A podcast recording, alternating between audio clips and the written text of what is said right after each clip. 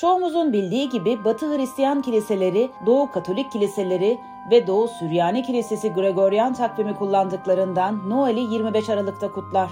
Öte yandan Rusya, Gürcistan, Ukrayna, Makedonya, Sırbistan, Karadağ, Kudüs gibi Doğu Ortodoks Kilisesi Julian takvimini kullandıkları için Noel'i 7 Ocak'ta kutlar.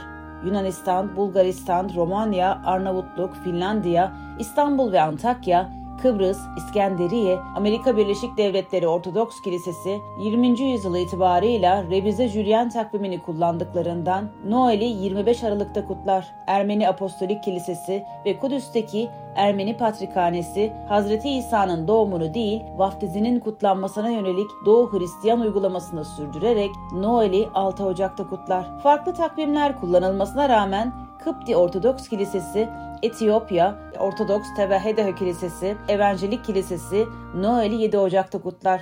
Yehova şahitleri ise Noel'i İncil'i aykırı bulur, kutlamaz.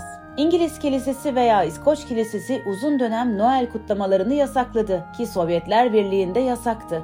Tıpkı bugün Çin'de olduğu gibi. Amerika Birleşik Devletleri kanun ve adalet için Amerikan merkezi gibi radikal sağcı örgütler Noel kutlanmasına karşı çıkıp eylemler yaptılar. Türkiye'de ise tartışmalar olsa da genellikle kafa karışıklığından meydana geliyor. Noel'le yılbaşı kutlamaları karıştırılıyor. Peki 25 Aralık'ın gizemi ne? İlk Hristiyan yazarlar İzmirli Ereneus ve Kartacalı Tertullian tarafından yazılan Hristiyan festival listesinde yok. Hatta İskenderiyeli Origen ve Berberi Ornobius çok tanrılı paganları doğum günlerini kutladıkları için suçladı. Arnobius bu kutlamaların çok tanrılı Romalıların bayramı olduğunu yazdı. Roma takviminde ise 24'ü 25 Aralık'a bağlayan gece kış yıl dönümü olarak kutlanırdı.